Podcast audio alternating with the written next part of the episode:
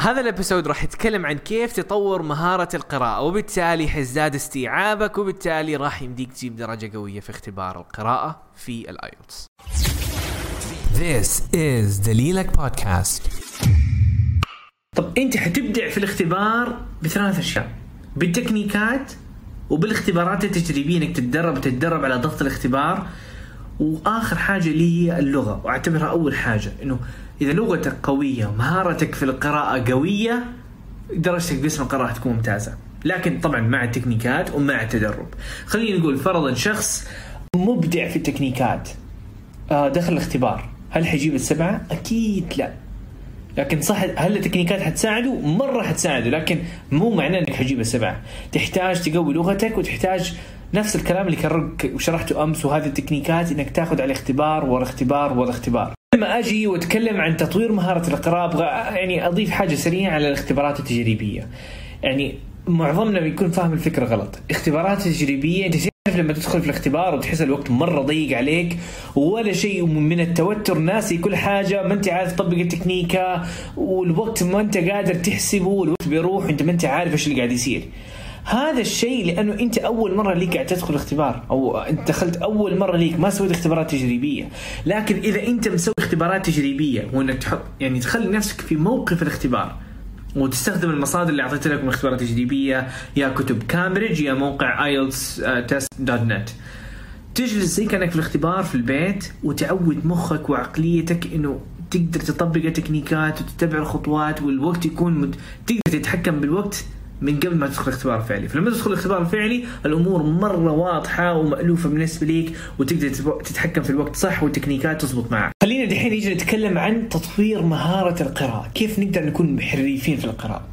أول حاجة بقول لكم الغلطة اللي إحنا كلنا قاعدين نسويها. إنه في المدرسة في الجامعة تعودنا على إنه أي قطعة بقراها لازم أعرف كل كلمة منها لازم أي كلمة ما أعرفها أوقف وأروح المترجم واجيب القاموس وافهم الصيغه المضارع ومدري إيش ومشتقات الكلمة وعده معاني وأجلس نص ساعة على كلمة واحدة هذا اللي إحنا متعودين عليه صح ولا لا؟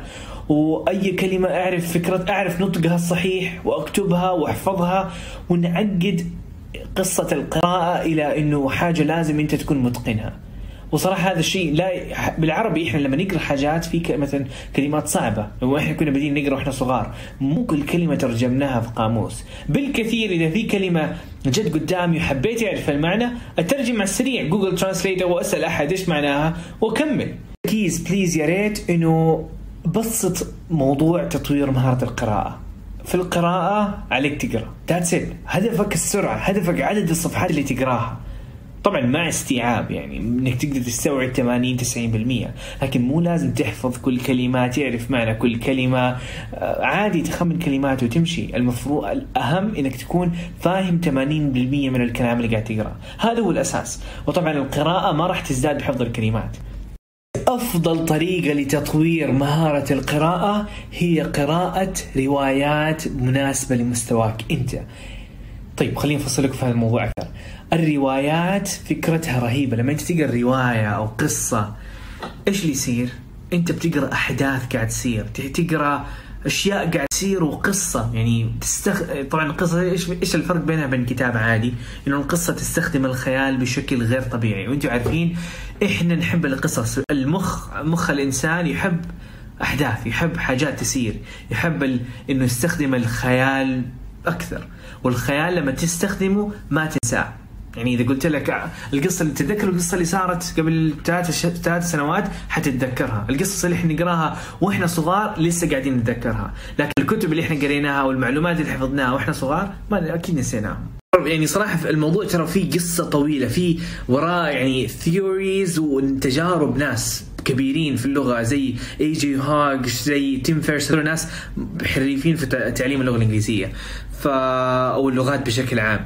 فكلامهم وتجربتي أنا إنه لما تقرأ قصص وروايات يعني الخيال يستخدم في هذا, لما تقرأ القصة. وهذا بيثبت اللغة بشكل جدا عميق في مخك. والنتيجة سرعتك راح تزداد في القراءة حتفهم الكلام حتى الكلمات الصعبة حيسهل عليك تخمينها لأنك أنت ماشي في أحداث. أنت عارف ال context ما قاعد تقرأ كتاب ممل. فأنت فاهم إيش اللي قاعد يصير. مثلا في قصة والشخص قاعد يجري ومن حاجة كلمة في النص فأنت يمديك تخمنها. فهذه النقطة الثانية وتتعلم الكلمات بدون ما ترجع لل dictionary. ورقم ثلاثة مخك يبدأ يفكر بال English طبعا هذا الكلام معظمكم ما حيفهمني إلا اللي اللي يصير لما مخك يفكر بال English إنه ما تقطع في الكلام استيعابك للقراءة والاستماع يكون جدا سريع المحادثة عندك تكون جدا ممتازة. وتحس إنه لغتك الأم أو لغ... صارت عندك لغتين. يعني مخك يفكر بالإنجلش وكمان يفكر بالعربي. على موضوع الروايات إنه الروايات أسهل وأبسط وممتع مقارنة بقراءة جرائد أو كتب أو حاجة أو تحفظ كلمات. انك تقرأ رواية زي روايات أغاثا كريستي جون جريشم تموت فيها. يعني صراحة في ناس أعرف ناس مدمنين. يعني آه، ناس يجلسوا أنا أنا من الناس اللي أدمنت الروايات. وعشان ما تكون عادة سيئة وتضيع وقتي يعني قللت وقت الروايات ودحين ما أقرأ إلا كم مرة في السنة. الروايات حاجة جدا قوية في تطوير اللغة بتساعدك بشكل غير طبيعي وحاجة تقدر تستمر عليها ممتعة تقدر تستمر عليها يعني تقدر تبني عادة إنه كل يوم ساعة واحدة قراءة روايات وقصص. طيب هنا نيجي عبد الرحمن كيف نبدأ؟ إيش الرواية اللي اختارها؟ كيف أبدأ؟ أنا مستواي مبتدئ ما أقدر أقرأ الروايات الكبيرة أو الروايات الضخمة اللي اللي موجودة لكل الناس لأنه أنا مستواي لسه ما هو قد كذا قوي. ففعلا إن ما ينفع وهذا خطأ جدا كبير إنك تتحمس وتأخذ رواية مرة كبيرة زي رواية مثلا جاثا كريستي ولسه مستواك مبتدئ أو أقل من المتوسط ما ينفع لأنه ما حتفهم إلا 10% وال 10% هذه بدل ما تحمسك وتفهمك القصة بالعكس حتحس نفسك متحطم وتضطر إنك تترجم كل كلمة. فهذا ما حينفع ابدا. لازم تختار رواية أو قصة بحيث انك تكون فاهم 50% من الكلام. يعني تكون فاهم إيش اللي قاعد يصير. حتى لو عليك قال عبد الرحمن فين روايات تكون مكتوبة بلغة جدا بسيطة؟ يعني فين ألاقي روايات وأشياء حماسية ب يعني غير كتب الأطفال. طبعا كتب الأطفال ما إحنا متحمسين لها قد كذا ونحس إنه لازم تغطي الغلاف إنك تقرأ كتاب وعمرك مدري كم سنة وتقرأ آه، قصص أطفال بالإنجليزي. فعندنا الحين حلين. وأفضل هذا الحل إنك تروح على جرير في مجموعة كتب اسمها كتب Oxford Bookworms هي عبارة عن تروح لجرير وكل كلهم عارفين. هي عبارة عن أقوى قص روايات عالمية لكن مكتوبة بلغة مبسطة وقصص قصيرة بحيث إنه يمديك تخلصها بسرعة وتحس بإنجاز وفي تدريبات ولغتها بسيطة. ما تكون جدا معقدة زي زي الروايات الكبيرة.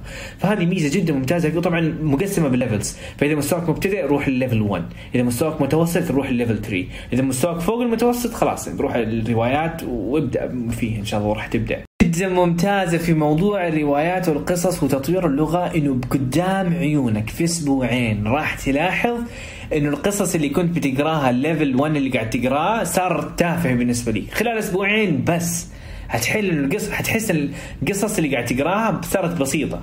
لا لازم تروح level up فتروح level 2 أو 3 تخلص تاخذ ثلاثة أربع كتب من هناك تخلص level 3 ثلاثة أربع خمسة كتب تروح level 4 level 5 level 6 وبعدين تقرا الروايات الكبيرة. لما توصل الروايات الكبيرة حتلاقي مستواك فوق المستوى المتوسط أو مستوى شبه متقدم قدام عيونك راح تلاحظ تطور. فهذه هذه الفكرة. إنه ابدأ بروايات ركز على القراءة. حاول تقرأ أكبر عدد من الكلمات. لا تركز على حفظ الكلمات. إذا في كلمة صعبة وتبغى تعرف معناها عادي. روح في القاموس اعرف معناها that's it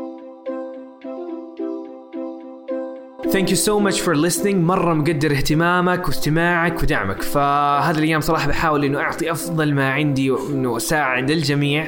فأي سؤال وأي استفسار كلمني على الخاص. وإذا حبيت إنك تتابع البودكاست لأنه قاعد أنزل حلقات مرة قوية عن التحفيز عن ال IELTS عن تطوير اللغة عن قصتي فتابعني على دليلك في ايلتس dot com slash podcast عشان تشترك في البودكاست هذا ويعطيكم ألف عافية. مع السلامة.